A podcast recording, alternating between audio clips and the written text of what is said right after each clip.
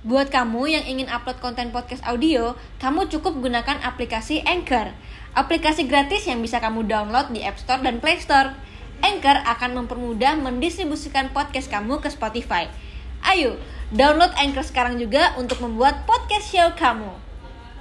Aku tuh sering dikatain babon, dasar gendut lo atau apa ya. Aku bilang ya emang kenapa sih? Apa sih yang salah dari orang gendut gitu loh? intinya dia tuh ngerasa jijik aku suka sama dia gitu kak oke okay, selamat datang kembali di GBP Online tenang aja biarpun online kita tidak akan mengurangi nilai inspiratif dan juga nilai positif yang bisa kalian ambil. Jadi stay tune sampai habis karena selalu ada cerita yang menarik dan bisa bikin kalian untuk lebih semangat lagi dalam menjalani hidup ini.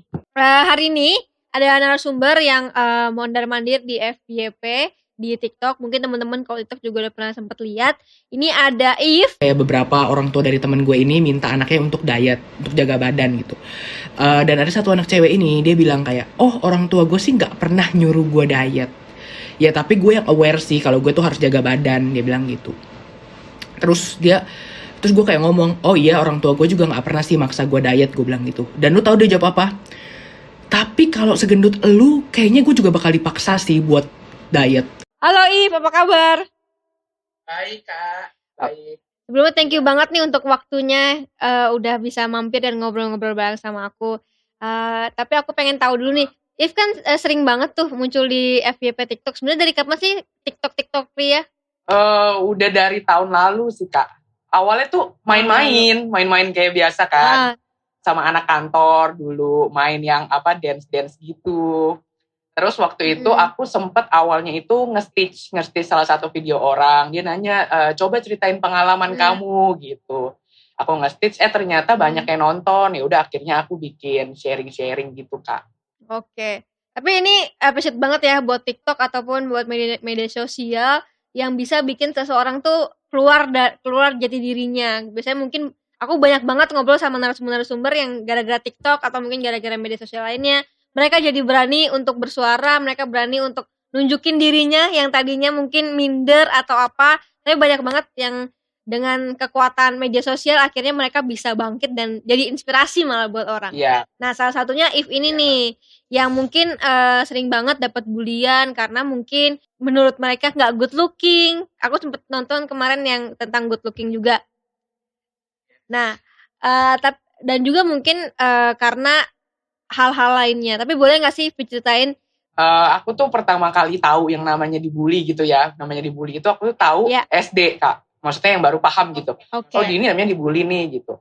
Karena dulu aku tuh apa ya kan gendut terus juga apa ya maksudnya hmm. bukan masalah gendutnya tapi nggak terawat aku tuh kak dulu kusam ya namanya SD gimana sih hobinya kan main-main yeah, yang yeah. gitu jadi dibully aku tuh sering dikatain babon dikatain mm -hmm. ini itu sama teman-teman. Nah terus sampai sempet tuh nggak mau sekolah kak karena dibully. Jadi okay. setiap di sekolah tuh uh -uh. udah deh nggak mau deh pokoknya tiap pagi tuh nggak mau sekolah kak. Jadi susah banget buat aku mm. sekolah gitu karena di sekolah tuh dibully gitu. Aku tuh pas lahir tuh kata papa aku tuh aku emang apa dia bilang jelek kayak dia gitu. Soalnya mama aku itu kan putih dan mancung. Kalau papaku hmm. tuh ya menurut dia juga papaku ngerasa dia nggak good looking. Jadi pas aku lahir kok anaknya jelek ya kayak gue gitu. Nah pas adik aku lahir, adik aku tuh adik aku tuh kayak mama aku banget kak. Jadi putih, mancung gitu. Hmm. Jadi kelihatan banget lah perbedaannya. Oke, tapi kalau ukuran badan sebenarnya sama aja kayak bayi-bayi lainnya. I pas lahir sih normal sih 2,9 kak pas lahir. 2,9 kilo. Oh, normal dong. Normal. Oke. Akhirnya sampai ke SD terus dibully gitu ya? Iya, benar Kak. Pas SD itu mulai dibully. Oke. Dan dibully terus sampai SMP kelas 9. Mm -hmm. Baru aku berani nah, belajar uh, stand up for myself gitu, berani speak up lah ya. Itu pas SMA. Uh -uh. Jadi pas SMA tuh udah berani ngelawan lah gitu kalau dibully. Dulu-dulu nggak berani. Jadi dari SD SMP terima-terima aja tuh. Iya sih terima-terima aja. Soalnya memang nggak tahu ya pada saat itu juga memang kondisi keluarga aku tuh nggak bagus. Maksudnya secara ekonomi ya kak.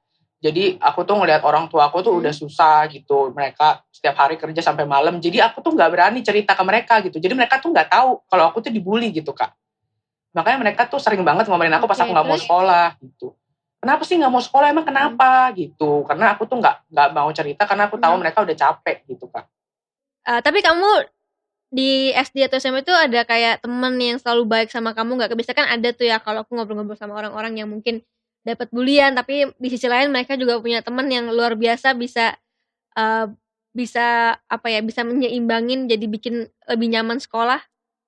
Ada ada tapi cuman ada dua orang kak dan mereka juga gimana ya mereka jujurnya juga nggak berani stand up buat aku tapi mereka selalu support aku gitu tapi nggak berani yang misalnya aku iya, dibully yeah, yeah ngelawan mereka juga nggak berani cuman mereka selalu support aku sih dari belakang gitu dan sampai sekarang pun masih temenan gitu wih itu dia yang sudah dicari waktu SMA akhirnya kamu berani stand up for yourself itu gimana sih Uh, kenapa? Kayaknya aku juga udah gini ya kak. Pertama aku tuh udah ngerasa muak banget ya dibully terus gitu. Kayak aku tuh mikir gini, aku tuh nggak salah apa-apa gitu loh. Aku juga kalau siapa sih orang nggak pengen jadi cantik gitu loh kak. Semua orang tuh pengen jadi good looking gitu. Gue nggak apa ya, maksud gue juga nggak mau nih kayak gini gitu kan. Jadi akhirnya kayaknya aku udah muak dan terus aku juga uh, berusaha memenuhi beauty standar tersebut gitu kan. Jadi dulu kan gigi aku berantakan. Hmm. Aku tuh di SMA pake, itu ya? Iya di SMA aku pakai kawat. Jadi kak pakai kawat gigi hmm. dua tahun. Terus uh, diet, aku sempet diet nggak sehat juga. Kayak satu bulan tuh cuma minum air doang kak Gerite. Cuman minum air doang gitu. Tapi itu berhasil? Berhasil, dalam sebulan aku turun 10 kilo. Oh, tapi waktu itu, sorry kalau boleh tanya, waktu itu berat badan kamu berapa sih waktu di SMA itu? Waktu di SMA itu berat badan aku 84 kilo. 84 hmm. kilo. Termasuk yang paling gendut sih kak di sekolah waktu itu. Turun 10 kilo berarti kan berarti kan sesuatu yang bisa dibilang cukup berhasil ya? Iya, cukup cukup kelihatan lah gitu. Cukup kelihatan. Orang-orang pada kaget dong kamu kurusan. Iya tapi ternyata aku mikir kayak ini kalau gue udah kurus orang bakal menghargai gue gitu kan nggak bakal ngebully gue tapi hmm. kenyataannya enggak juga gitu. Tetap aja dibully gitu. Ya udah makanya setelah itu ya speak yeah. up aja gitu loh. Aku akunya ngelawan gitu. Misalnya ada yang kayak ngatain dasar gendut lo atau apa ya. Aku bilang ya emang kenapa sih? Apa sih yang salah dari orang gendut? Gitu loh nggak ada yang salah gitu hmm. kan jadi akunya mulai berani untuk speak up gitu. Karena apa ya, maksudnya aku udah berusaha berubah nih, tapi ternyata tetap dibully gitu loh kak. Nanti kamu kalau kurusan lagi, kamu dibilang kamu ngobat. iya, kayaknya iya kak. Kayaknya gitu deh. Zaman sekarang kan kayak kalau orang kurus dikatainnya ngobat mulu. Padahal nggak juga iya. kan. Jadi, nah. jadi selalu sebenarnya selalu ada celah buat orang tuh menilai kita. Yes, benar kak. Mau apa pun itu. Tapi aku pengen tanya, uh, waktu itu yang uh, diet air itu tidak menimbulkan efek samping apa-apa? Banyak efek sampingnya kak, banyak. Kamu boleh cerita, kamu boleh ceritain nggak ekstrim diet kamu tuh seperti apa? Nah, jadi kan aku tuh cuma minum pure air putih aja kak, air putih saja. Sama, nah sama jus boleh, jus boleh. Pokoknya nggak boleh makan makanan yang solid, makanan padat. Jadi cuma boleh minum air doang. Susu pun aku nggak minum karena susu itu kan ada kalorinya ya kak. Jadi bener-bener jus sama air putih aja. Nah itu tuh pas awal-awal sih biasa aja kak. Pas minggu pertama tuh ya maksudnya lemes tapi lemes kayak kurang makan lah gitu ya. Nah setelah 20 hari itu bener-bener gak ada tenaga kak. Buka pintu aja gak bisa. Buka pintu aja gak bisa. Saking gak ada tenaganya. Terus uh, setelah selesai melakukan diet itu tuh bener-bener jadi ada yang namanya uh, mah mah akut. Aku sebelumnya tuh nggak pernah punya mah kak sama sekali. Setelah itu tuh punya mah tuh parah banget dan sampai sekarang jadi efeknya hmm. berkelanjutan gitu loh kak. Nah itu tuh yang sebenarnya dia tuh paling parah.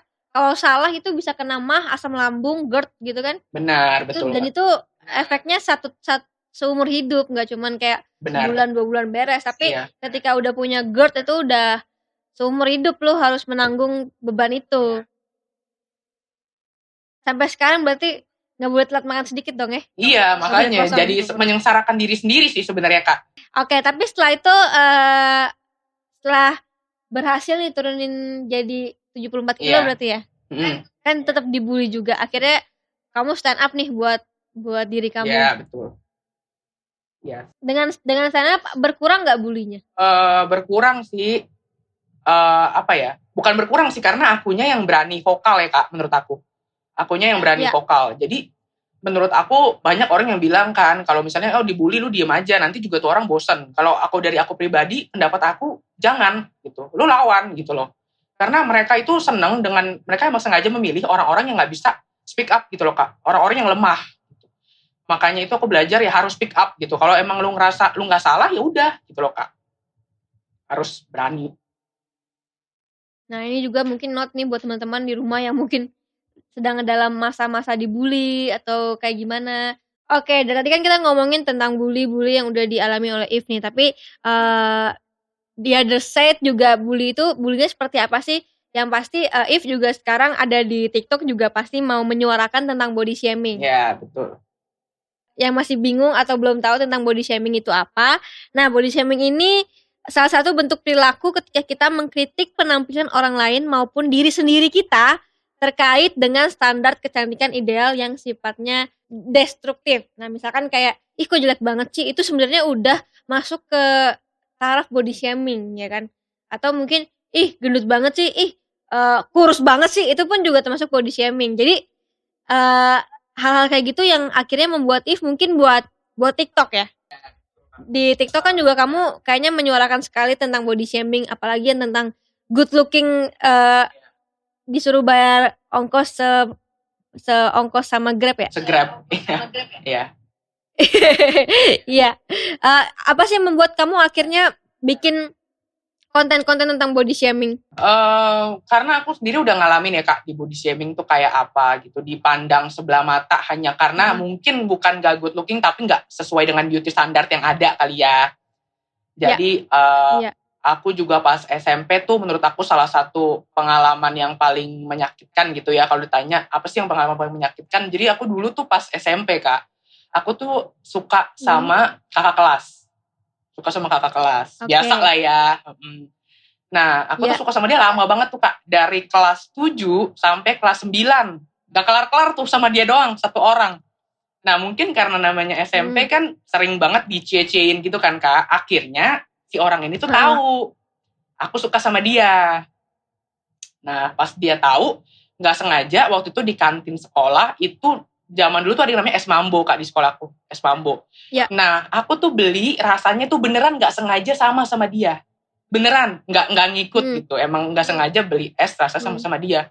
Nah, terus temennya dia itu ngeja uh, cie-ciein dia kak, ngecie-ciein gitu cie yang beli yeah. es mambonya barengan itu sama dia di lapangan basket langsung dibuang bener-bener depan mukaku langsung dibuang terus dia pas pulang pulang sekolah gitu dia nulis status gitu kak di Facebook si cowok ini mm. dia bilang e, urusin dulu lah tuh badan lu jangan cuman apa intinya dia tuh merasa jijik aku suka sama dia gitu kak jadi sampai wow. sekarang tuh kebayang sih sakitnya gitu. Karena mungkin sakitnya karena aku suka banget sama dia gitu.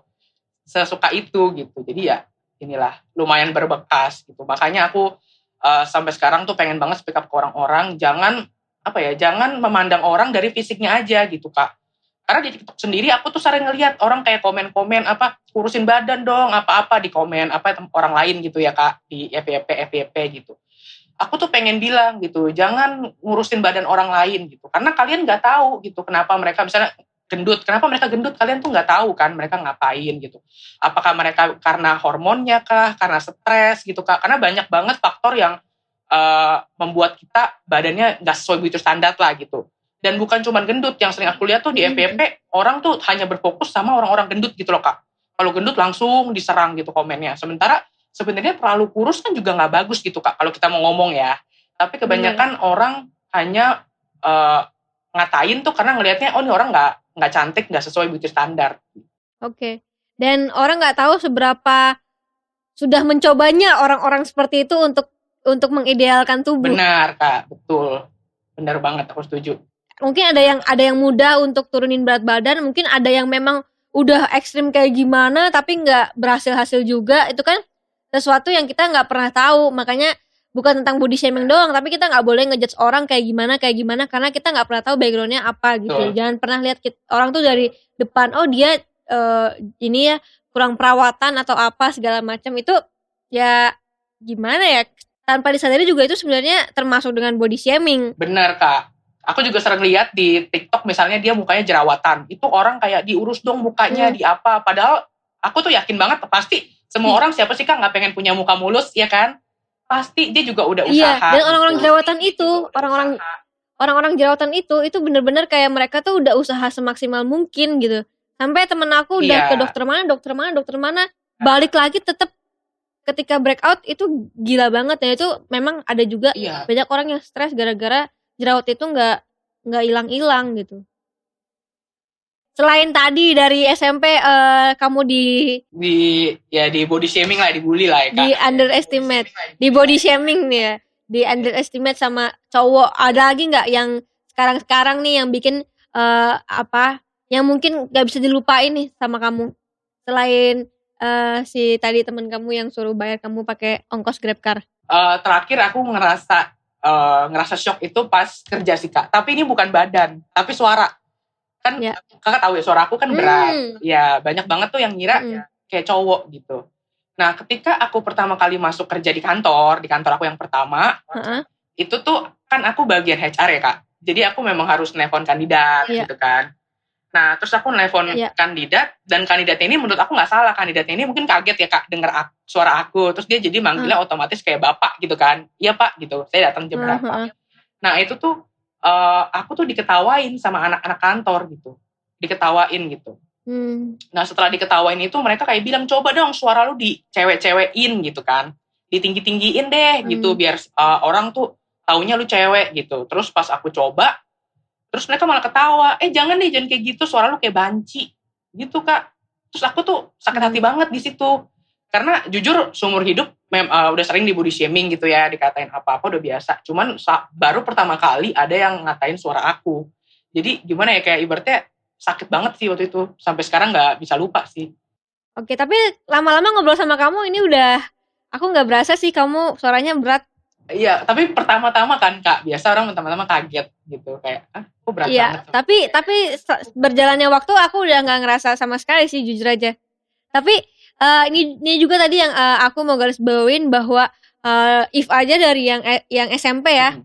SMP di uh, body shamingin di, di di sekolah gitu itu sakitnya berasa sampai sekarang nih kayaknya. Iya nggak bisa lupa sih kak. Kita nggak pernah tahu tuh guys. Uh, awalnya kita cuma bercanda bercanda mungkin orangnya juga terima tapi kita nggak pernah tahu sebenarnya dia terima beneran atau mereka cuma memendam. Nah kalau memendam ini yang bahaya uh, mungkin bisa ke mental mungkin bisa ke hal-hal yang tidak diinginkan atau mungkin kalau if masih bisa uh, mengontrol tapi mungkin ada beberapa yang nggak bisa mengontrol akhirnya uh, kena ke psikis bisa jadi hal hal-hal yang tidak diinginkan kalau aku boleh tanya nih mm. uh, buat if nih apakah kamu memaafkan orang-orang yang udah body shaming ke kamu atau orang-orang yang mungkin uh, dulu secara sadar ataupun tidak sadar uh, membuli kamu atau mem memperlakukan buruk ke kamu, kamu maafin atau masih kayak uh. Kalau aku aku pribadi ya kak. Maafin tapi tidak hmm. untuk berteman lagi. Jadi maafin ya udah.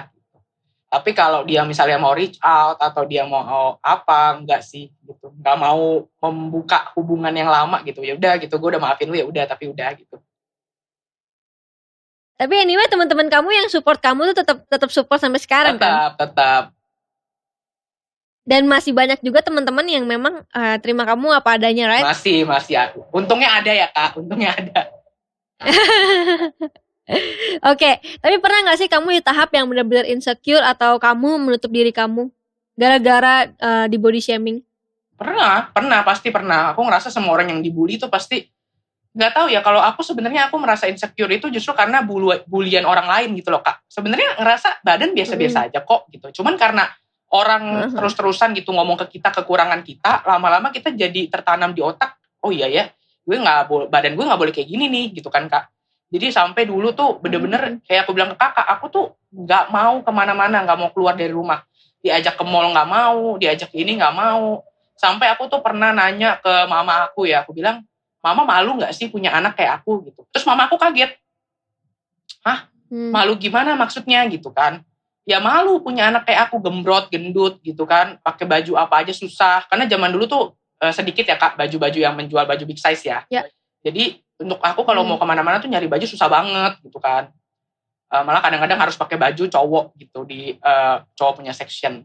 Terus mamaku bilang enggak lah ngapain malu? Kok kenapa harus malu? Gitu. Emang kamu kenapa? Kamu nggak percaya diri? kata mamaku gitu. Aku bilang iya aku ngerasa ya apa ya eh ngerasa jijik sama diri sendiri tuh jijik gitu kak gara-gara orang-orang ngomong itu ke kamu ya kan iya. jadi kamu ngerasa ih jadi kamu kebawa ke pikiran kamu bahwa ih iya kok gue kayak gini ya kok iya. gue kayak gini ya benar benar betul oke okay.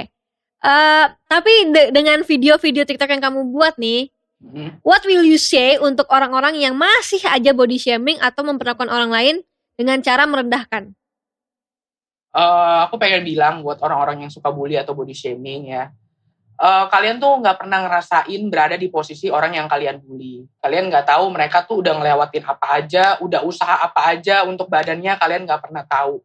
Makanya aku minta sama orang-orang yang sering bully atau body shaming, kalau kalian nggak punya sesuatu yang baik untuk dikatakan, entah itu di komen tapi di kehidupan nyata, ya udah mendingan nggak usah diomongin gitu.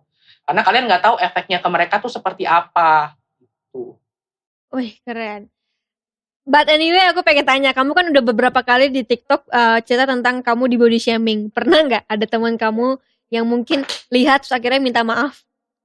Enggak, Kak. Enggak sih. Karena gak ada. Aku, menurut aku mereka tuh nggak nyadar bahwa yang mereka lakukan itu bullying. Kalau menurut aku ya. Oke. Okay. Gitu. Ya, rata-rata juga mereka mungkin nggak sadar kayak itu udah ya udah biasa aja. Tapi anyway kita juga sebagai uh, manusia juga sebenarnya udah mulai harus sadar bahwa apa yang kita lakukan itu salah. Benar.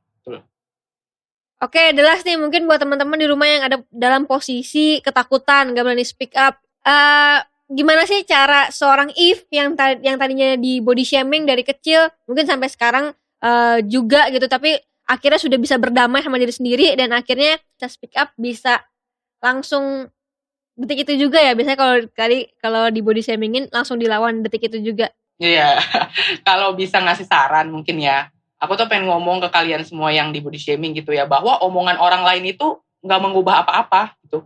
Ya mereka nggak tahu apa yang udah kalian lakuin apa yang udah kalian perjuangin gitu loh. Dan mereka tuh ngomong kayak gitu cuman buat bikin kalian down doang sebenarnya gitu. Mereka juga aku yakin di dalam hatinya mereka juga insecure makanya pengen ngejatuhin orang lain gitu. Jadi jangan Wih, dibawa ke hati yang penting kita terus berfokus ke diri kita sendiri aja ya kan kak? Menjadi semakin apa ya pribadi yang lebih baik gitu. Nggak usah dengerin omongan orang lain. Oke tepuk tangan dulu dong. If, if thank you banget udah mampir dan juga sudah memberikan motivasi-motivasi mungkin buat teman-teman di rumah yang pasti ada beberapa dari kalian yang akhirnya berani akhirnya uh, ngerasa bahwa gue nggak boleh nih kayak gini gue nggak boleh nih terus urusan dibully dan, dan menerima apa adanya. Tapi kalian tuh semua berharga dan kalian tuh punya kesempatan yang sama. Jadi jangan sampai apa ya omongan orang jadi uh, batasan kamu omongan orang jadi uh, bikin kamu berhenti untuk melangkah. Itu yang paling penting. Dan thank you banget If udah mampir ke sini. Dan teman-teman semoga dengan video aku dengan If kalian juga bisa mendapatkan hal-hal uh, yang positif dan juga bisa merubah uh, hidup kalian agar lebih semangat dalam menjalani hidup. Thank you dan kalau misalkan kalian juga punya cerita yang menarik dan mau di-sharingkan atau ada ide-ide terbaru, silahkan kirimkan email cerita kamu beserta nama, nomor telepon kamu dan domisili di mana ke email di bawah ini.